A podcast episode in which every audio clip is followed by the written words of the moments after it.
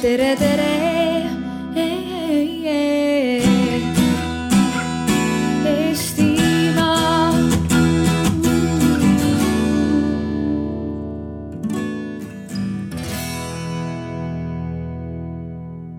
Tere. tere tulemast äh, arutelule vaimse tervise rollist tööelus. minu nimi on Ander Uusberg, ma töötan ja, ja, mul on vaimne tervis. et nendel kahel põhjusel mind see teema juba huvitab, aga lisaks töötan ma Tartu Ülikoolis afektiivse psühholoogia vanemteadurina ja püüan muuhulgas mõista seda, kuidas inimesed ennast tunnevad ja mis neid, mis neid parem, paremini või halvemini tundma. see põhjus äh, miks me täna selle teema üles võtame, on tegelikult väga lihtne. Täiskasvanud inimene veedab äh, suurema osa oma igapäevast äh, tööd tehes, väidetavalt umbes kolmandiku elust teeme me tööd. Äh, mõned inimesed on julgenud kokku arvutada, et see on umbes üheksakümmend tuhat tundi. ja on selge, et, et tervis, nii vaimne kui füüsiline, ei jää ju selleks ajaks kuhugi koju. et, et see, milline on meie tervis, on seotud sellega ähm, mida me teeme tööna. Ja loomulikult ei ole kellelegi uudis, et töö võib olla tervist kahjustav, ähm, aga võib-olla esmased assotsiatsioonid, mis selle ideega pähe tulevad, on kuidagi sellised füüsilised, äh, et, et on töö juures mürgid või on müra või on vibratsioon äh, ja äh, on olemas inspektsioonid ja inspektorid, kes sellega tegelevad. aga õige vastus ähm, ei pea sellega piirduma või on, on üsna ilmselge, et, et, et tervis ei ole ainult füüsiline ja, ja see oht äh, tervisele ei pea olema ka tingimata füüsiline äh, ja füüsilisest keskkonnast. meie tervist äh, mõjutab töö juures ka palju muud. sellele paljule muule on seadusandja andnud katusmõiste, see katusmõiste on psühhosotsiaalne ohutegur. ja tänase arutelu peamine eesmärk ongi natukene paremini aru saada mis asi see psühhosotsiaalne elu ohutegur on, mismoodi äh, selle mõiste alla mahtuvad nähtused äh, meie tervist mõjutavad ja, ja ehk siis võib-olla kõige praktilisemalt, äh, mida inimesed töötajana ja needsamad või teised inimesed juhina saavad ära teha, et ennast selle ohu vastu kaitsta. sellest kõigest rääkimiseks on minu kõrval parim valik asjatundjaid ja ma hakkan äh, nende asjatundjatega niimoodi hästi rahulikult ja aegamööda tutvust tegema. kõigepealt on meiega täna Ave Kail Kaskla, äh, kes on mitmekülgse kogemusega töö ja organisatsioonipsühholoog. lisaks konsultandi ja nõustaja tööle äh, veab ta sellist uudset tööstressi ja läbipõlemist ennetavat nõustamisformaati Võõras sõber, mis on seal selja taga ka kõigile meeldetuletuseks üles kirjutatud ja võõras sõber on tõesti tunnustust ära teeninud, ma saan aru, et on näiteks valitud äh, tänavu parima, parimaks sotsiaalseks ettevõtteks. ma küsiks alustuseks sellise lihtsa küsimuse, et, et, et kuidas ma aru saan, et mul on vaimse tervisega mingi probleem? nii, loodame, mikrofon töötab vist ei tööta tegelikult? töötab, töötab. töötab, seega ja seega töötab. Äh, tere, mina olen siis Ave Kail. Äh, kuidas ära tunda, äh, ühelt poolt võiksin rääkida nii-öelda nagu professionaalina, aga ma täna siin tahaksin tegelikult rääkida nagu inimesena, kuidas mina ära tundsin selle piiri, kui ma läksin sinna läbi, läbi, läbipõlemise väga-väga ääre peale ja ma tundsin seal, ma isegi ise ei tundnud, aga mu sõbrad hakkasid mulle tähelepanu pöörama, et et minu tööpäevad läksid väga pikaks, minu unetunnid läksid väga lühikeseks, ma hakkasin puuduma üritustelt, olles muidu väga seltskondlik ja sotsiaalne inimene. Äh, ja ma iseenda sees hakkasin tundma sellist, et äh, kõik kõike on nagu liiga vähe, aega on liiga vähe, energiat on liiga vähe ja tekkis selline lootusetu tunne, et isegi kui ma selle või teise asja nagu ära lõpetan, siis, äh, siis see ikkagi ei lähe nagu üle. ehk siis kui stressiga natuke võrrelda, siis äh, stressi puhul on lootus, et kui ma selle projekti ära lõpetan, siis läheb üle, siis läbipõlemine on täpselt see tunne, kui sa saad aru, et see ongi lõputu põhjatu ja sa võidki sinna vajuda ja vajuda ja vajuda ja vajuda ja sealt ei ole nagu enam pääseteed, ehk siis selline lootusetuse, jõuetuse tunne tuleb siis. see on nagu kõige juba väga-väga hiline märk, et te olete kaelapidi seal sees või kohe sinna sisse kukkumas, kui see jõuetus ja selline saamatus tuleb, et ma ei saa enam mitte midagi teha, ma ei saa enam midagi tagasi pöörata. aga tegelikult saab mm. -hmm. aitäh järgmisena on minuga siin laval Katrin Randrüüt, kes tegutseb nõustaja ja koolitajana enda juhitud mittetulundusühingus Avitus, mis pakub tuge ning vaimse tervise, tuge ja, ja nõustamist vaimse tervise valdkonnas Ehm, ma sinuga võib-olla tahaks ära klaarida kohe ühe lihtsa küsimuse, mis sageli äh, inimesi natuke sõlme ajab, et, äh, et mille poolest siis vaimne tervis füüsilisest tervisest erinev on või sarnane on? aga kes ütles, et see erinev on? tere, mina olen Katrin. Mm, mind on aastaid juba hämmastunud, hämmastanud meie poolt, et me kui meil on tervis, siis meil on tervis, on ta siis füüsiline või on ta siis vaimne. eriti kui me seda tervist hakkame siis nüüd kaheks jagama, siis vaimne on tegelikult millega see meil kohe, ahaa, tal on vaimse tervise probleemid, järelikult ebanormaalne. tegelikult meeleolu kõikumisi, meeleoluhäireid esineb meil kõigil. küsimus on ja neid peabki esinema, ei saa olla kogu aeg õnnelikud, kui me oleme kogu aeg õnnelikud, siis tuleb terapeuti külastada ja võimalikult ruttu aga küsimus on alati teatud normaalsusesse või sellisesse olekusse tagasipöördumine. kui nüüd, et millest ta erineb, kui teil on näiteks kolleeg, kellel on sapivalu, siis tal on paha olla, ta on morni näoga. Aga kui teil on kolleeg, kellel on läbipõlemise oht või depressioon, teate, ta on täpselt samasuguse näoga ja samasuguse olekuga ja samasuguse jõudlusega et ma tahan kokkuvõtteks öelda, et kui me räägime vaimsest tervisest, siis me räägime tervisest ja vaimse tervise probleem ei tähenda seda, et me oleme ebanormaalsed või meil on midagi vajaka. täpselt samamoodi nagu me ei ole ebanormaalsed, kui meil on kõrge vererõhk või diabeet. aitäh. minuga on laval ka Taimi Jele Nurm, töö- ja tervisepsühholoog kellel on, äh, on magistrikraad nii psühholoogias kui ärikorralduses ja pikaajaline kogemus äh, personalijuhi, superviisori, psühhoterapeudi, koolitaja ja õppejõuna. nüüd paratamatult, kui me räägime vaimsest tervisest mitte ainult inimese perspektiivist, vaid äh, töökeskkonnas, siis enamasti äh, inimene ei ole tööl üksi äh,. mis tõstatab olulise ja natuke delikaatse küsimuse, et kuidas märgata vaimse tervise probleeme teistel äh, ja ma lisaks siia kohe ka küsimuse, et, et mida siis teha ja võib-olla sama oluline on ka see, et mida siis mitte teha alustan sellest, et äh, eile kuulates väga head diskussiooni äh, alal Eesti kaks tuhat kolmkümmend viis oli üks hea prognoos kõigile teile siin. et aastal kaks tuhat kolmkümmend viis on üks kõige populaarsem eriala ülikoolides vaimutervis ma loodan ka väga, et see nii läheb ja me siin Ave Kailiga esita, esindame seda vanaaegset siis praegu ehk töö ja tervisepsühholoogiat. Äh, ja kuna juba ma Anderoga leppisin kokku, et ma teen niikuinii reklaamipausi äh, siis ma hakkan kohe rääkima ühest ahjusoojast tekstist, äh, kus need erialad, mis saavad aastal kaks tuhat kolmkümmend viis olema populaarsed, on kirjas. see ahjusooja tekst sai valmis kaks päeva tagasi, kaheksandal augustil, autor on Marika Haidak, kus sa oled? ja selle teksti pealkiri on töökeskkonna vaimse tervise analüüs ja nüüd ma loen siis ette nende tegelaste, kes aastal kaks tuhat kolmkümmend viis saavad olema populaarsed, tänase definitsiooni. statistika järele meie teenuseid kasutatakse veel liiga vähe psühholoog-nõustaja on praktik, kelle töö põhisisuks on nõustamine psühholoogilistes küsimustes. enamasti on tal kõrgharidus ja ta tegeleb konfliktide ja töö heaoluga. lisan siis eh, juurde siit, et töö heaoluga mitte ainult vaimse tervise probleem, vaid kuidas olla vaimselt sellises heas vormis, et olla peaaegu et olümpiavõitja kolmsada kuuskümmend viis, seitse, kakskümmend neli või võimatu, eks ole. täna me lükkame selle ümber. Äh, see tähendab, see on siis üks variant, töö ja tervisepsühholoog. teine siit on siis psühhoterapeut, läbinud väljaõppe mõnes tunnustatud teraapia valdkonnas noh, minul on neid kolmes peamises valdkonnas, siin Andero juba nimetas, ei ütle.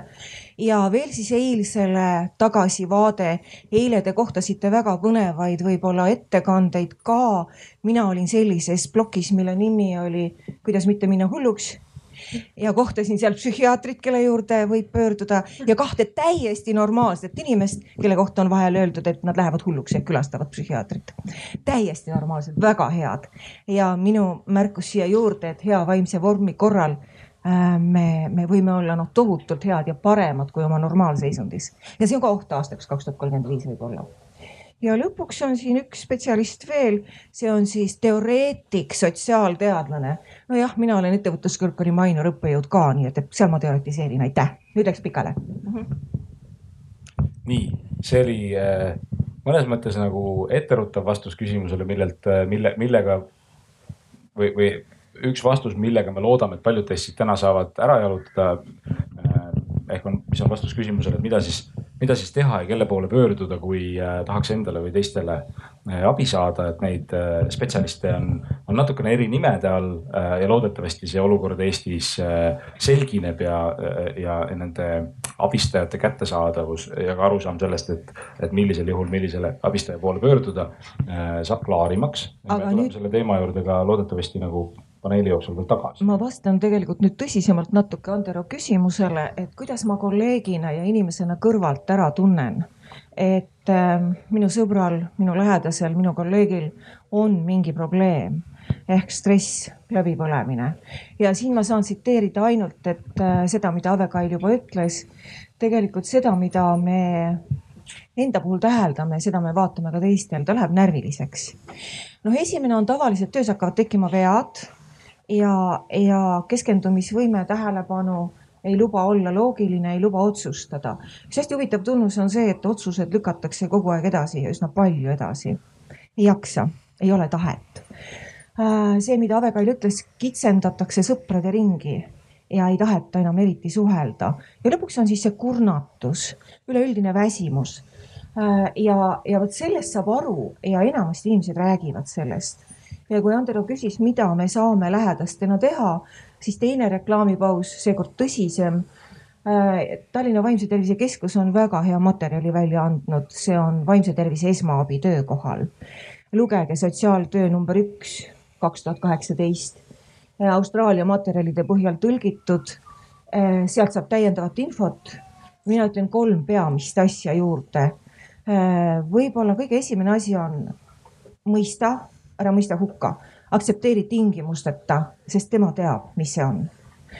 Äh, teiseks, ole kohal ja paku kindlustunnet, ole olemas, kuid ära tee seda pealetükkivalt. ole olemas, kui ta tahab rääkida ja kannata välja see, kui ta ei räägi, ta on pahur, ta lükkab su eemale, ta tõrjub. Äh, ole kannatlik ja, ja ole olemas. ja kolmas, nopin jälle siis eilsest paneelist siit kaasa liigu, loe ja lahenda koos temaga. liikumine, stressihormoonid verest välja, loe, uuri, tegutse, paku midagi ja, ja otsi lahendusi.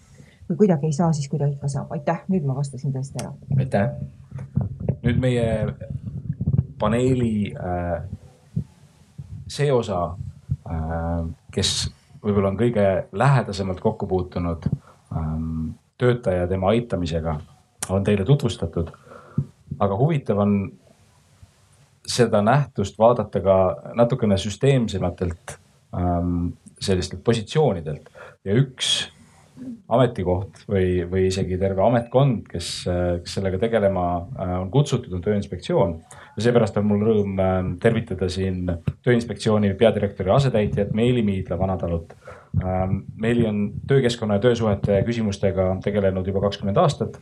Ähm, ja see küsimus, millega ma sinu poole pöördun, võiks puudutada sedasama natuke keerulise kõlaga mõistet psühhosotsiaalne äh, riskitegur või ohutegur. Ähm, et mis, mis asi ta siis nagu õigupoolest on? Tere ka minu poolt.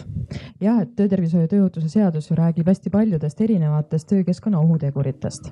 Ja see, sellesama seaduse paragrahv üheksa märkega üks eh, defineerib siis ära, mis asi on psühhosotsiaalne ohutegur, tuues näiteid. Ehk see ei ole ammendav loetelu, mis seal tuuakse, aga paragrahvis, jah. Paragrahvis on siis äh, eraldis välja toodud näiteks äh, ründe ja õnnetuse ohuga tööd seal esineb kindlasti psühhosotsiaalne ohutegur.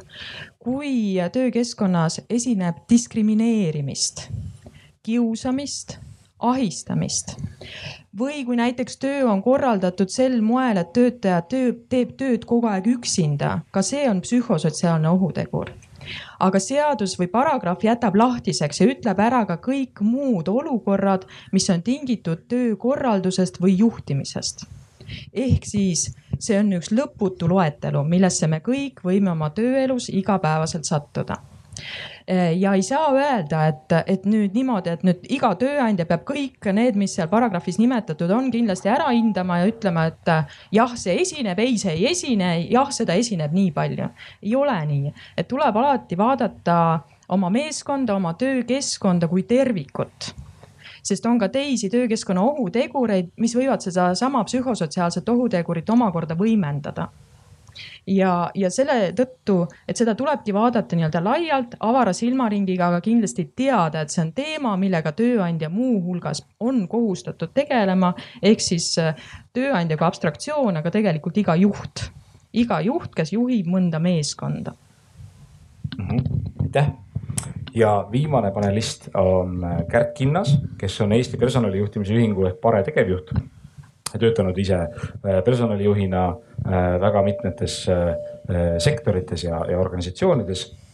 ja nüüd küsimus sulle oleks üsna otseselt selle eelmise, eelmise, eelmisele väitele toetav küsimus, et, et kui seadusandja on pannud kohustuse tööandjale muretseda äh, psühhosotsiaalsete riskide ja, ja nende tagajärjel ähm, äh, võimaliku vaimse tervise halvenemise pärast, et, et miks peaks tööandja seda tahtma teha või et kuivõrd on tööandja positsioonilt see selline peale surutud kohustus ja, ja kuivõrd on see tegelikult midagi, mida tööandja võiks ise niikuinii teha? tere ka minu poolt ja tõepoolest, seadusandja on sellise kohustuse pannud, kõik tööandjad peavad tegelema äh, töökeskkonna riskide maandamisega, sealhulgas ka siis vaimse tervise probleemidega. Äh, ja noh, minu arvamus on, et üks organisatsioon või ettevõte on, äh, on edukas siis, kui tema töötajad on terved, motiveeritud, töötavad keskkonnas, mis soodustab produktiivsust ja, ja sellisel juhul on ka vähem värbamist, vähem äh, vähem äh, presentismi, vähem haiguslehti ja sellega seonduvalt vähenevad ka kulud, et see on ettevõtjale otsene kasu.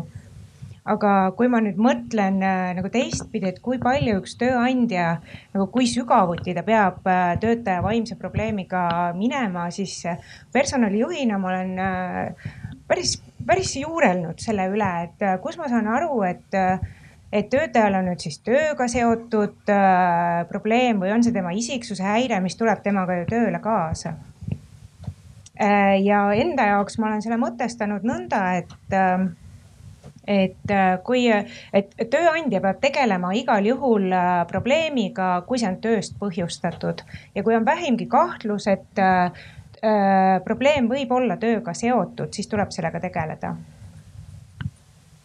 nõnda arvan mina ja, ja ähm, on ka võimalus äh, olla hooliv tööandjal ja panustada ka siis äh, töö, töötaja tervisesse äh,, kui ei ole probleeme või on äh, probleemid, mis ei ole otseselt seotud tööga, aga näiteks võimaldada siis kas äh, raviperioodiks äh, säilitada töökoht, võimaldada palgata puhkust, näiteks sellised lihtsad asjad, mis näitavad siis tööandja hoolivust mm. -hmm. aitäh nii, publik, ähm, ka teil äh, võiks olla äh, täielik vabadus äh, mõelda kaasa ja mitte ainult mõelda, vaid ka rääkida kaasa.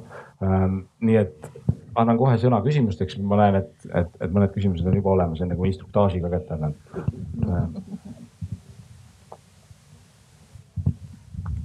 ja ma täpselt ei tea, kellele see küsimus on, aga kuna probleem on väga aktuaalne, siis ma väga tahan teada, mida tuleks teha kohe, kui töötaja ise tunneb, et ta vaimselt ja füüsiliselt ei saa selle tööga hakkama, et see mõjutab teda nii kohutavalt.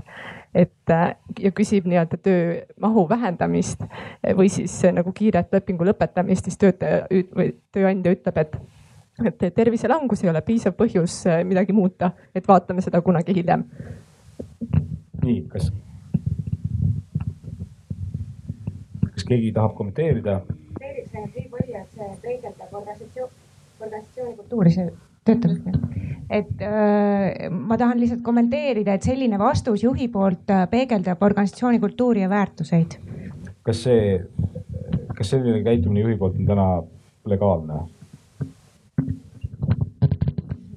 Teie teate, te ütlesite, sealt hakkab jah ja et mida nüüd edasi teha, et äh, noh, juristina ma muidugi ütleksin, et kõigepealt äh, vormistage alati kirjalikult, et jätke endast, enda pöördumisest vähemalt e-kirjaga jälg esimene asi ja paluge vastust ja paluge ka põhjendust, miks ta siis ei võimalda, miks ta tööd ümber ei korralda aga kui ta keeldub, siis on muidugi keeruline, sellepärast et täna seadus ei ütle, et ta on nüüd kindlasti kohustatud seda tegema. küll aga, mida tööandja peaks tegema sellises olukorras, ta peab saatma oma töötaja uuesti näiteks töötervishoiuarsti juurde ehk tervise, täiendavasse tervisekontrolli äh, ja saama sealt suunised töötervishoiuarstilt Need on nüüd nagu sellised. Äh, õiguslikud, juriidilised. sellised, eks ole, viimase astme siuksed jõuvõtted. aga et millised oleks siuksed vahe, vahepealsed võtted, et, et teie, kes te olete töötanud, ole, töö ja, ja, ja organisatsioonipsühholoogidena, et kas, kas sellist praktikat on, et, et on töötaja, kelle poolt on huvi olemas, tööandja, kelle poolt tegelikult huvi sellel hetkel ei ole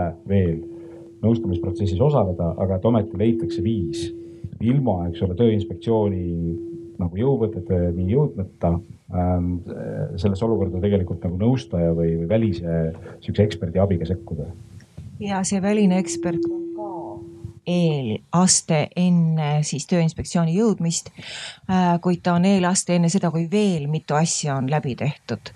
ja esitan niisuguse retoorilise küsimuse siin ülejäänutele. mina olen täna siin kolleegi või kaastöötaja rollis ja küsin teie käest, mõelge, te ei pea kätt tõstma. kes tahab, võib tõsta ja küsimus-vastus on süsteem, võib-olla teie ise vastate. Äh, kas keegi kolleegidest on pöördunud teie poole, ah, mul on paha olla, ma ei tea, mida teha ei võia. kas te ise olete pöördunud? Eh, ehk minu vastus on lihtne, räägi sellega, keda sa usaldad. ja esiteks väljarääkimine annab juba kergendust. noh, jah, lõbusalt öeldes võib ka nii öelda, et välja rääkides avastad sa ise lahendused, kui sul on hea kuulaja. Ehk sõnastad selle, mida sa niikuinii tead mm. -hmm ja, ja hea kuulaja vahel teeb ära selle töö, mida meiesugustele makstakse. Äh, teeb ära ilma rahata selle töö. Äh, muidugi nüüd ma küsin teilt, mida teie valite vastuseks, mis me siin ütlesime, kui veel mõni vastus on? üks asi, mis oleks nagu võib-olla esmane, on mõelda ka iseendas väga täpselt läbi, kuidas seda soovi, palvet esitada. kas me oskame esitada inimesele, kes peaks meid kuulama, seda piisavalt ähm,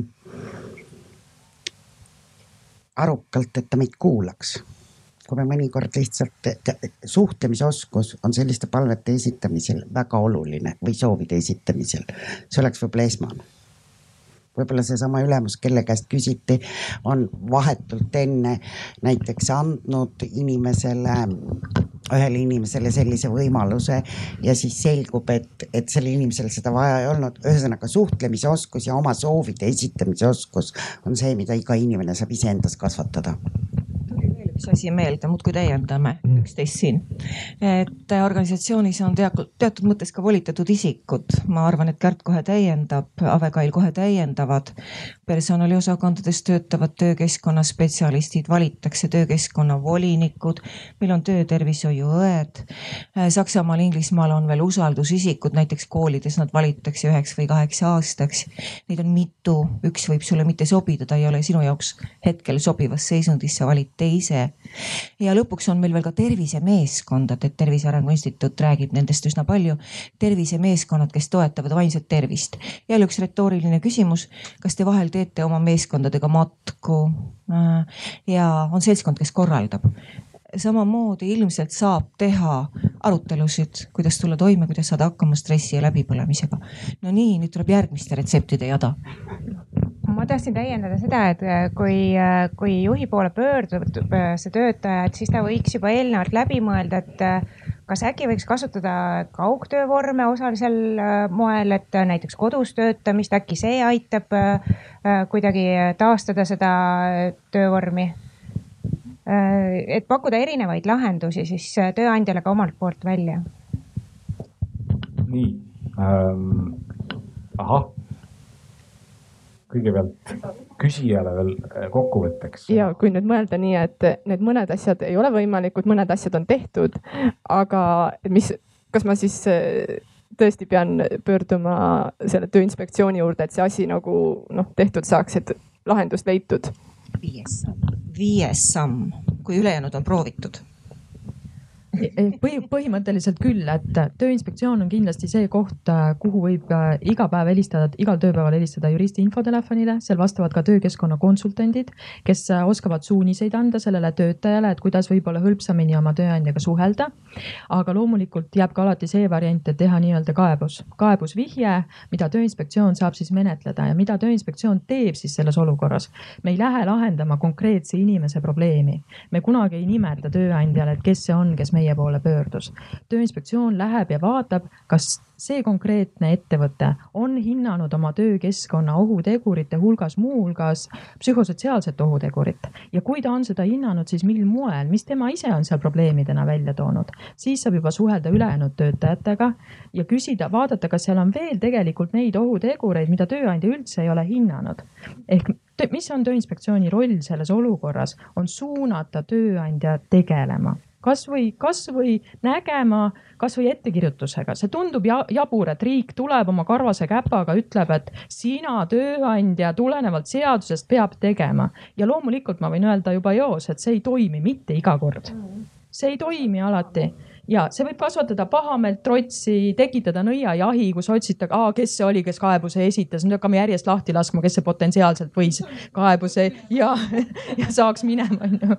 et, et see. Meeli, palju äh,, kui palju Tööinspektsioon sellist, sellist tööd teeb ja kui palju teil on inimesi, kes neid kõnesid vastu võtab ja, ja et kui suure protsendi kogu sellest tänaseks vestluseks alus, tänasele vestlusele alust andvast nagu valdkonnast äh, moodustab just selline nagu konkreetsete kaebuste pealt initsieeritud tegevus ma ei ütle hetkel, et kui palju on neid kontrolle, mis on puhtalt nüüd nendest psühhosotsiaalse ohuri, ohuteguriga seotud äh, vihjetest, sellepärast et äh, selline järelevalve kavandamine on üks selline terviksüsteem ja see on ainult üks osa sellest. aga ma võin öelda seda, et infotelefonile meil vastab reaalselt kokku neliteist inimest, neist kümme juristi ja neli konsultanti, mida on väga vähe, aga me aasta jooksul vastame ligi viiekümne tuhandele pöördumisele, et see töökoormus nendel inimestel on meeletu ja ja psühhosotsiaalse ohuteguri teemad ehk need töökiusamine, töövägivald, need on täiesti igapäevased. Ehk inimesed pidevalt helistavad meile,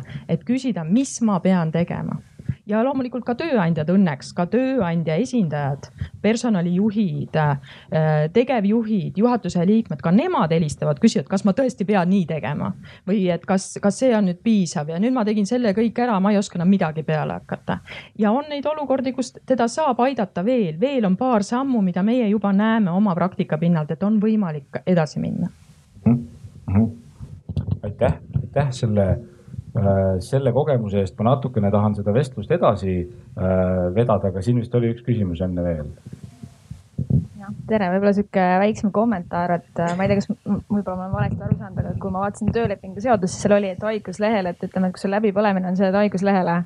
et siis oli kas kolm kuud või, et siis võib tööandja võib sind lahti lasta põhimõtteliselt, et kuidas nagu sellega on, et ma mõtlen, et nagu töö või sellest läbipõlemisest nagu kolme kuuga välja tulemine ei ole väga reaalne et selles mõttes, et ähm, kuidas see nagu tavapraktikas on, et kui ma ei tea, et kas see pole nagu liiga lühike aeg või kas, kui tihti inimesed võtavad need kolm kuud või kuidas firmades tavaliselt see on ma ei ole kuulnud lahtilaskmisest, aga tegelikult ütleme, rusikareegel on selline, et kui sul on juba olnud läbipõlemine, siis tegelikult äh, kuue kuu jooksul ei tasukski naasta samasse firmasse. ehk siis tegelikult see, et kui sa kolme kuu jooksul juba lähed samasse rattasse tagasi, siis suure tõenäosusega ka sa ei tule sellest läbipõlemisest välja, ehk siis see, kui see asi on juba nii kaugele lastud, et see, see on juba läbipõlemine, et siis tegelikult see tagasiminek sama tööandja juurde täpselt samasse rolli on väga-väga keeruline igal juhul.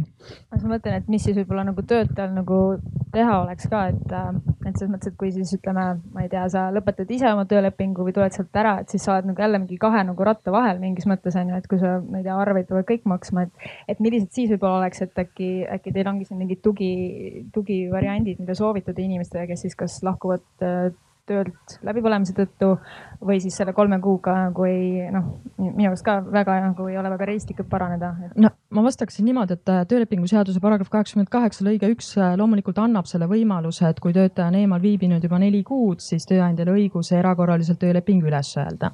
mis edasi, mis mehhanismid käivituvad, see ei ole töötajale, ütleme, kõige hullem variant, sest talle jäävad alles sotsiaalsed garantiid, kui ta võtab ennast Eesti Töötukassas arvele. Tal on, tekib õigus töötuskindlustushüvitisele. muidugi on üks nüanss, et kui sa võtad ennast Töötukassas töötuna arvele, sa pead olema tegelikult valmis tööle asuma. sul peab see valmisolek olema, aga kui sa oled nii haige, siis kui, kui palju sa siis valmis oled? ehk sealt edasi tekib koheselt teema, et kas sul on juba töövõime vähenemine ehk kas äkki rakenduvad mingid muud mehhanismid, äkki sa saad teise valdkonda minna. ehk riigi poolt ütleme, teatud sotsiaalsed garantiid on olemas, aga mis, mis ma jälle juristina tahan välja tuua, et hästi palju inimesed kiirustavad, nad kuulavad ära oma arsti, nad ütlevad, et selge, ma ei saa kunagi sinna tagasi minna, ma ei ole võimeline enam suhtlema selle ettevõttega, sest nad on mulle niivõrd ebameeldivad. Ja saadetakse lihtsalt ülesütlemise avaldus ehk see tavaline lahkumisavaldus aga sellel hetkel, kui sa saadad tavalise lahkumisavalduse või teed ka ettepaneku poolte kokkuleppel see töösuhe ära lõpetada, siis jääd sa ilma nii-öelda sellest õigusest taotleda töötuskindlustushüvitist. eks need nüansid on, mida, millega ka inimene peab arvestama ja ma tõden tõesti, et kui sa oled juba läbi põlenud sa võib-olla ei suuda üldse nii süsteemselt mõelda, et hakata mõtlema oma sotsiaalsetele tagatistele. sa eelkõige mõtled sellele, et saaks sellest ebameeldivast olukorrast võimalikult kiiresti välja. ma enam lihtsalt ei taha mm. -hmm ma selles suhtes täiendaksin, et kuna Avitus osutab ka tööalase rehabilitatsiooni teenust, see tähendab, et meil on meeleoluhäirega inimesed, kes on saanud osalise töövõime. väga paljud inimesed kardavad osalise töövõime saamist aastaks nagu tuld, noh, see on meeleoluhäire, depressioon, ärevushäire, väga tihti läbipõlemisest.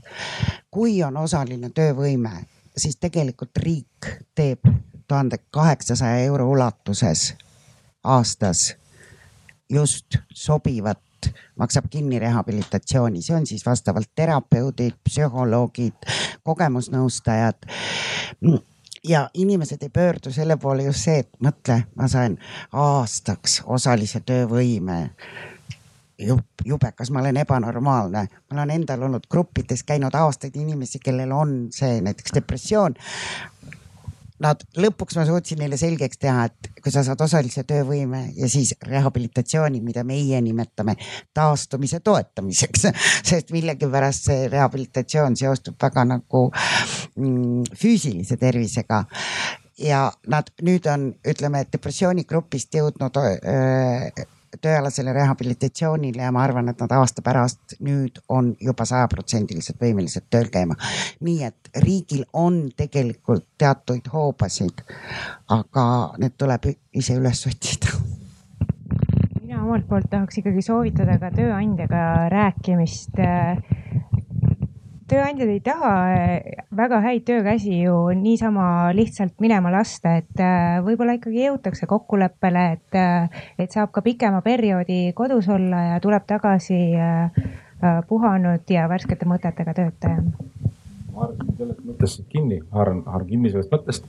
Ähm, et mulle tundub, et meie arutelu praegu võtab sellist kuju, kus me alustame kõige tõsisematest juhtumitest, kus lahendused on kõige raskemad ja, ja päris sellist võit-võit lahendust võib-olla ei paistagi, et tõepoolest, kas on vaja astuda töölt kõrvale äh, või, äh, või kannatada lihtsalt subjektiivselt, eks ole, tõsisemat äh, seisundi määra.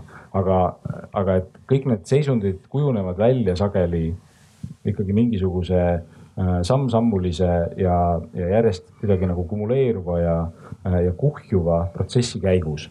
ja, ja me võiksime proovida nüüd tulla Äh, seda protsessi pidi järjest ettepoole rääkida sellest, et, et kuidas ennetada äh, taolisi olukordi, kus äh, tõesti väljapääse pole muid kui, kui Tööinspektsiooni telefonile helistamine. Ähm, ja, ja kui me seda arutelu ette valmistasime, siis, siis üks selline vaatenurk ennetusele, mis me otsustasime, et, et võiks olla hästi kasulik, on, on vaatenurk, mis küsib, et et millised on sellised takistused meie enda peas, äh, mis võib-olla ei luba töötajal, aga ka juhil äh, teha seda, mis tagantjärgi paistab kõigile äh, üsna mõistlik ja õige. ja lühidalt öeldes me võiks öelda, et need on hirmud, et, et nii, nii töötajana, inimesena äh, on mul vaimse tervisega seotud erinevaid hirme äh, ja samamoodi juhina. Äh, võib-olla mul on, on selle küsimusega tegeledes mingisuguseid kõhklusi äh,, siukseid tulevikustsenaariume, mis ma oma peas lahti rullin äh, ja me oleme mõned sellised hirmud kirja pannud äh, või sellised noh, nagu superhirmud, et nad sisaldavad äh, mitut sihukest prototüüpset ja päriselus kohat, kohatavat näidet. ja ma tahaksin nüüd neid hirme ette lugeda ja, ja siis paluda paneelil ja ka teil kõigil ähm, anda esiteks hinnang sellele hirmule, et kuivõrd on sellel hirmul suured silmad, kuivõrd võib, võib see hirm olla täitsa põhjendatud. Äh, ja teiseks selle hirmu valguses vastata küsimusele, et kuidas ma tulen toime siis selle asjaga, mida, mida ma kardan. esimene selline hirm, mille me panime kirja, ähm, on selline, et minul kui töötajal võib olla hirm, et kui ma oma probleemiga tegelen siis ma sisuliselt jään ringist välja. Äh, ma jään ilma mingisugusest infost, mingisugustest võimalustest, mingisugustest hüvedest. ja probleemiga tegelemise all ma pean silmas seda, et ma võtan ise aja maha, et ma äh, vähendan oma tööaega, et ma, et ma võtan välja puhkuse planeerimata ajal. Äh, et ma võtan, võtan endale vähem ülesandeid või, või jätangi mõned ülesanded tegemata, sellepärast et mul on vaja rohkem, rohkem uneaega. kes julgeb, võib käega märku anda, kas, kas see hirm on tuttav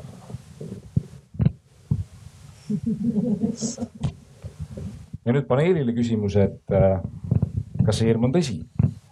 et kas vaimse tervise probleem on miski, mis äh, jätab töötaja olulistest ringidest välja? mina võin rääkida oma kogemusest, et mina olen olnud täpselt samamoodi nagu Ave Kail äh, läbipõlemise ääre peal mina olen arv, alguses arvasin, et tegemist on väga füüsiliste sümptomid, sümptomitega. mõtlesin, arst ajab mingisugust pläma, räägib mulle stressist, ei anna mulle tabletti, mis mind terveks teeks.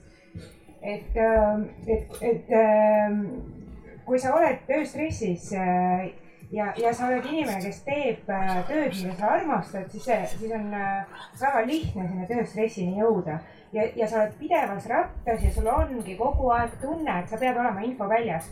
muidu sa ei ole kogu aeg äh, kursis, mis toimub. sa ei saa kogu aeg panustada nii palju, kui, kui sa pead. äkki sa oled kuskil, jääd ilma millestki tähtsast, olulisest äh, või sind arvatakse välja ja aga peale seda, kui ma ikkagi sain aru, et, äh, et tabletiga seda ei ravi, et on vaja iseendaga tööd teha äh,, sain ma ka väga selgelt aru, et aja mahavõtmine ei, ei jäta ringist välja. Äh, ma saan täiesti rahulikult tulla mõne aja pärast tagasi, ilma et äh, minu väärtus oleks selle aja jooksul langenud. see oli minu kogemus jah, täiend-, täiendaks enda, enda kogemusega samamoodi, et äh, see on hästi hirmus nagu ennast nii-öelda välja lülitada. aga tulles just tagasi Kaspeki peaaegu mäe otsast äh, Gruusias, äh, kus oli null levi ja neli päeva olid täiesti ilma ühegi emailita, ühegi sotsiaalmeediata, teate, mitte midagi ei juhtunud maailm käis ringi, sõbrad jäid alles töökoht ka jäi alles, äri läks edasi, et Äh, kõige raskem on see enda lahti, lahti ühendamine, kui sa juba oled ära lahti ühendanud ja sa näed, et tegelikult maailm ei saa otsa. ja, ja tegelikult keegi ei jäta sind maha ja, ja, ja sa ei jää nagu millestki olulisest ilma, sest tegelikult neid kanaleid, kust olulist infot saada, on väga palju. siis äh,, äh siis tuleb ka natuke see rahu tagasi ja siis sa nagu näedki, et see hirm oli, aga sellel hetkel, kui sa rattas oled, see on muidugi raske aru saada, et see hirm on põhjendamatu, sest see on tõesti niimoodi, et noh, ja ma ei ole pädev pädev enam kohe, kui ma ei tea absoluutselt kõigest kõike. Teie mõlemad nõuanded mõnes mõttes on, on sellised nagu pea ees vette hüppamise nõuanded, et noh, proovi ära. Nat, natuke jõuga, jah ja.. kas on, kas on kuidagi nagu teisiti ka võimalik, kas on nõustajana on võimalik töötajale midagi öelda, et seda hirmu kummutada? Muidugi on, sellepärast et me kõik teame, et see info, millest me hirmsasti kardame ilma jääda, on vähemalt seitsmekümne viie protsendi osalises osas mõttetu. et kui ma tõmban endal eh, mingiks ajaks nagu niinimetatud juhtme seinast välja, siis tegelikult eh, see info juba laagerdub ja ma võtan sealt vastu selle, mis mul vaja on. seitsekümmend viis protsenti mõttetust jääb kogemata nii, seda võib siis tsiteerida, et psühholoog lisaksin omalt poolt võib-olla hästi populaarseks läheb nüüd vaikuseminutid ja vaikselt olemine. ja, ja minu kogemus muidugi olen ka mitu korda olnud läbipõlemise äärel ja ringil nagu kõik me, kes me vahel vooelamust naudime ja sinna kogemata kinni jääme. ja, ja võib-olla need vaikuse hetked, mis sa võtad. ma võib-olla siin mõtlen sellele, et kui me väga palju sööme, siis me läheme ka vist liiga paksuks ja läheme lõhki. eks selle tõrjutuse ja sõhetega on ka, et kui sa väga palju ahmid, siis sa enam ei seedi ja, ja need vaikuse hetked, iseendaga olemise hetked või ajad on need seedimise ajad, mida me tegelikult nendes nõustamistes ka pakume. ja pakume enamasti siis seda, et palun mõtle selle peale, kus sa oled ennast hästi tundnud selles ajas, selles hetkes. kui sul ei ole, siis mõtle tulevikus, kus sa oleksid ja kus sa tahaksid olla. mõtle ennast unistuste saarele, tööõnne tegelaseks. Äh, nii et, et su töö lausa lendab käes, mida iganes. ja, ja siin on need kohad, kus me saame selle jõu tagasi. ja teine asi, mida ma tahaksin öelda, on veel üks hästi võimas relv, mida me hästi vähe, võimas relv on vale sõna, võimas vahend, mida me vähe kasutame. et keera see, mis on hirm kasuks selles on mingi märk, selles on mingi positiivne nüanss. kui sa suudad oma mõtte nii häälestada, et siin on midagi, mis ütleb mulle, et ma peaksin midagi teisiti tegema ja kui sa hakkad otsima, mis see teisiti on, vaat siis on need kohad, kus meie saame seda töönõustamise, supervisiooni ja coaching uga toetada. Toon näite ühest oma kliendist, fantastiline inimene, väga töökas, ahmib juurde kogu aeg, tahab teha, tahab maailma pöörata, andke ainult toetuspunkt. Mm, ja, ja see, kuhu tema oli langenud, oli noh, enesekõhklused, kahtlused ehk leebe niisugune läbipõlemise osa. ta kartis, et ta ei suuda, ta ei jaksa, ta tahtis olla perfektne, parim. ja kui ta endasse vaatas, siis ta leidis, et see tagasitõmbumine kõrvaltvaatamine on tohutu kasulik, et see on tema laisk mina, kes laseb tal näha tervikut, mis annab otsetee lahendusteni. järgmine tsitaat, laiskus annab otsetee lahendusteni. järgmine hirm. kui ma oma probleemi teistele tunnistan, mõjun abitu saamatu nõrgana. et, et jah, ma võin iseendaga tegeleda, aga et jumala eest, et mu kolleegid ei saaks teada, äh, et, et ma vajan abi või tuge? Ja et siin alustaks mina nüüd kommenteerimist, et, et väga palju äh, näiteks Tööinspektsiooni infotelefonile tuleb ka selliseid kõnesid, et inimene kirjeldab ära selle olukorra, milles ta on ta on enda jaoks nagu väga hästi selgeks mõelnud, et ta on nüüd selles raskes olukorras, tal on hirm ja kui küsida, meil on alati selline kokku lepitud selline meetod, et äh, esimese asjana küsitakse, kas te olete sellest juba rääkinud oma kolleegidega, oma tööandja esindajaga, usaldusisikuga? ei, miks ma peaks? aga milleks teie siis olete?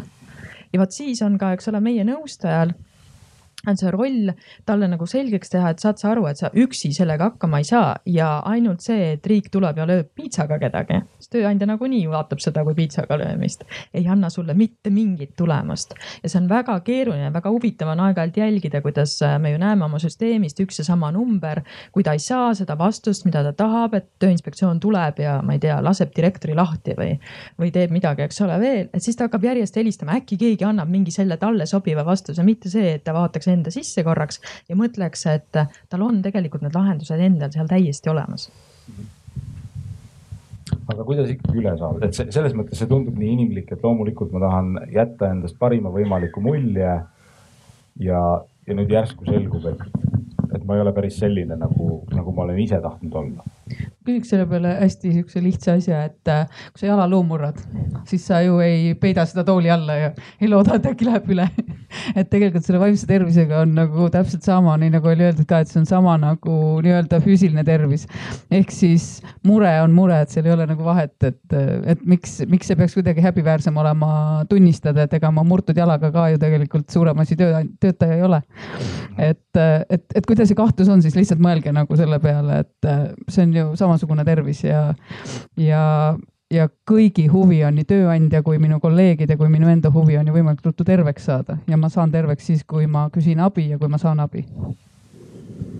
minu jaoks siin on üks, üks, üks huvitav nagu jätkuküsimus peidus, et, et, et mulle tundub loogiline, et see selline sotsiaalne surve äh, hoida oma pilti endast, sellist pilti nagu, nagu ma soovin kuvada. Et see võib olla mõnikord nii tugev, et mul on nagu iseendalegi raske tunnistada, et mul on mingid probleemid. kas, kas seda tuleb ka ette ja, ja, ja kuidas te sellega soovitate toime tulla? Või et kas, kas ma peaksin nagu valvama ennast või et kas on mingid asjad, mida ma, mida ma peaksin jälgima, et järsku, järsku ma tegelikult nagu vajaksin sekkumist, aga ma ei saa ise aru no see on sel juhul, kui inimene eh, nagu, see on nüüd puhtalt nagu nõustaja töö, kuidas inimene, inimest saaks nagu iseenda sisse vaatama panna. aga pisut nagu selle eelmise, et mõnikord tuleb nagu oma hirmudele otse vastu astuda, aga seda saab nagu nõustaja natuke aidata, et kui me kardame jätta ennast nõrka muljet või kui me, tähendab, kui me arvame, et keegi arvab meist, et me oleme rumalad, siis kõige lihtsam on tunnistada ennast ise kohe alguses rumalaks, siis teine pool enam ei saa. Tegelikult see võib naerma ajada, aga sellised asjad või noh, näiteks kui me oleme midagi kasvõi valesti teinud, mis on kõige parem, sa lähed ülemuse juurde, ütled jah, tegin valesti võta ise kõigepealt see, et see suhetes mõjub väga hästi. ja ma olen praegu nõrk, ma tegin praegu valesti, sa võtad teiselt vastaspoolelt ära võimaluse, et tema sind süüdistab sa võtad ise vastutuse. nii et see, see tegelikult teatud olukordades, uskuge mind, töötab päris hästi ja veel üks siis psühholoogia teooria nüüd siia juurde, protsess või psühhoteraapiate teooria. protsessikeskne teraapia on üks mõiste, et aga see on seisund ainult, see on täna. homme on teine päev ja teine aeg. ja nii nagu on kevad, suvi, sügis, talv, ajad muutuvad. jah, täna ma luban endale nutta ja olla kurb ja homme on teised ajad. Ja mida ma saan täna selleks teha, et kui täna on nukker sügis, siis homme on talv ja järelemõtlemise aeg. Ja ülehomme on jälle kevad, kus ma suhtlen ja, ja olen heas tujus. ja siis ma leidsin ikkagi sellest vaimse tervise äh, esmaabist. Veel ühe väga heade soovituste jada ja et mitte eksida, siis täpselt ma püüan ka seda tsiteerida. plussid, kui ma selle, sellest kellelegi räägin, ükskõik kas juhile, sel juhul, kui ta mulle esimene kord ütleb ära et see ei ole probleem, siis lähen ma lihtsalt rahulikult, järjekindlalt, heatahtlikult uuesti ja räägin, ma tahan sulle rääkida, ma ei jaksa enam sellel on oma plussid ja sellel on oma miinused. ja kui ma, nii nagu Katrin ütles, endale silma vaatan, siis võib juhtuda, et ma kaalungi, kas ma otsustan, kumma kasuks, kumma poolele plussid või miinused. mis on plussid?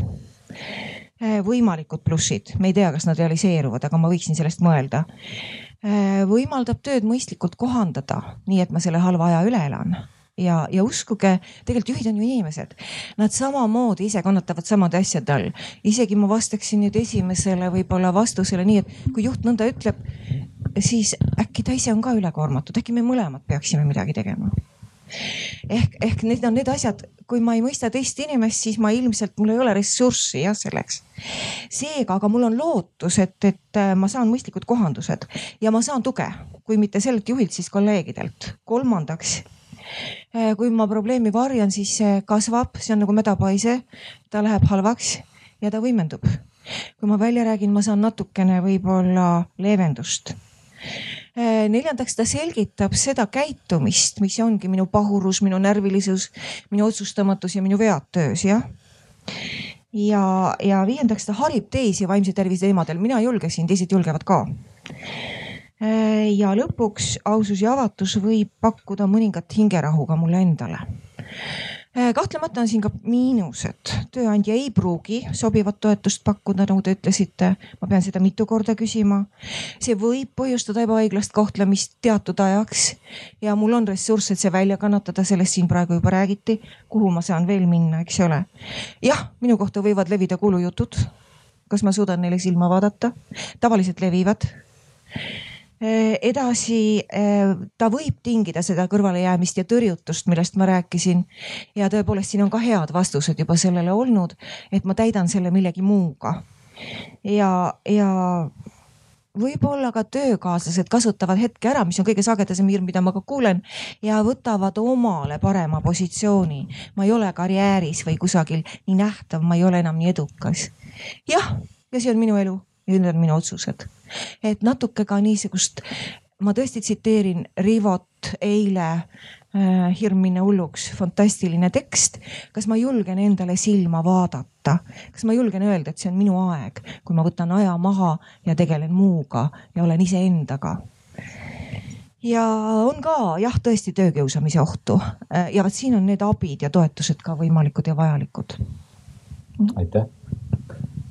Kas kellelgi on äh, lisada sellesse nimistusse, sellesse hirmude nimistusse veel mingi niisama küsimus, võib-olla ka niisama küsimus?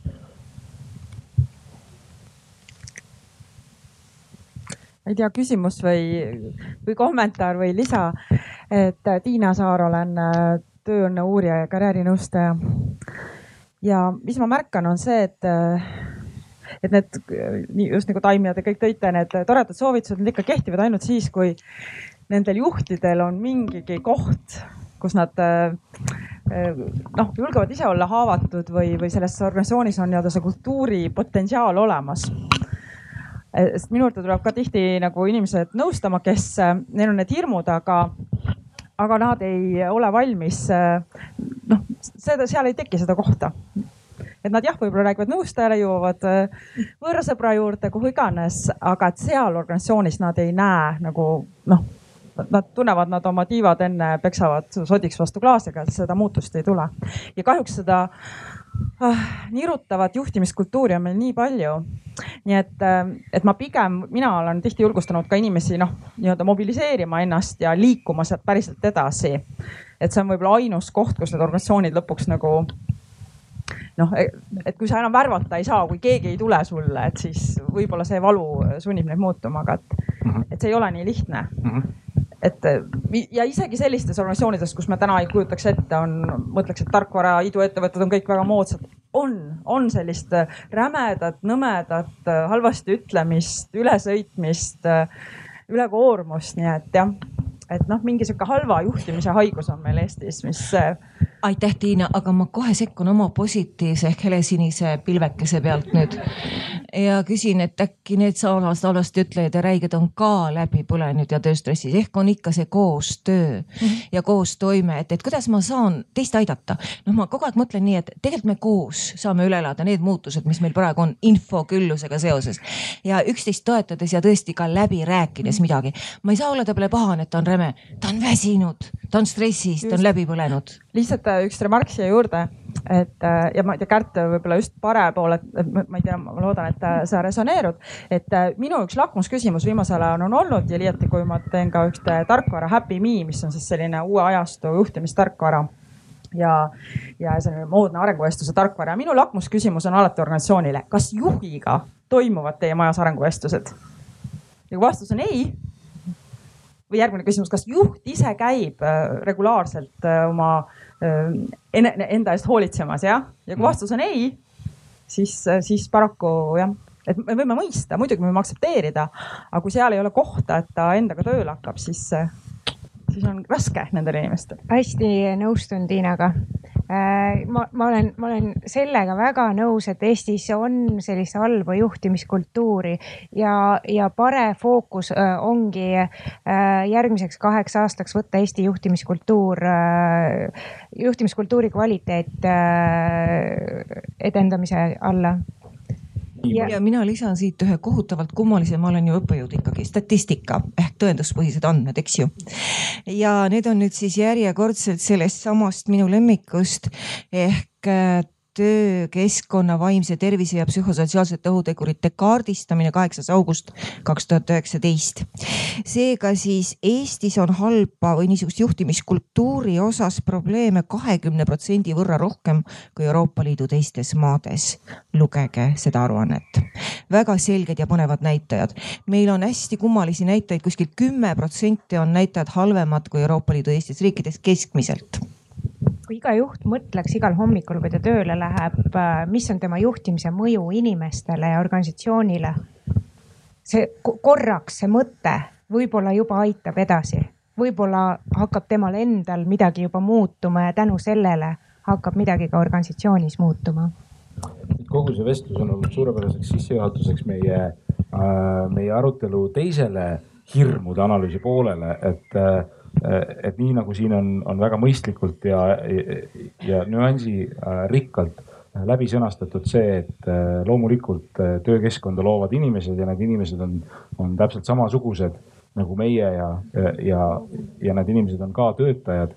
Ähm, ja, ja mulle meeldib, et, et nii nagu töötaja hirmude analüüsi plokis me alustasime sellistest karmidest Äh, moodsa sõnaga lõplikest lahendustest.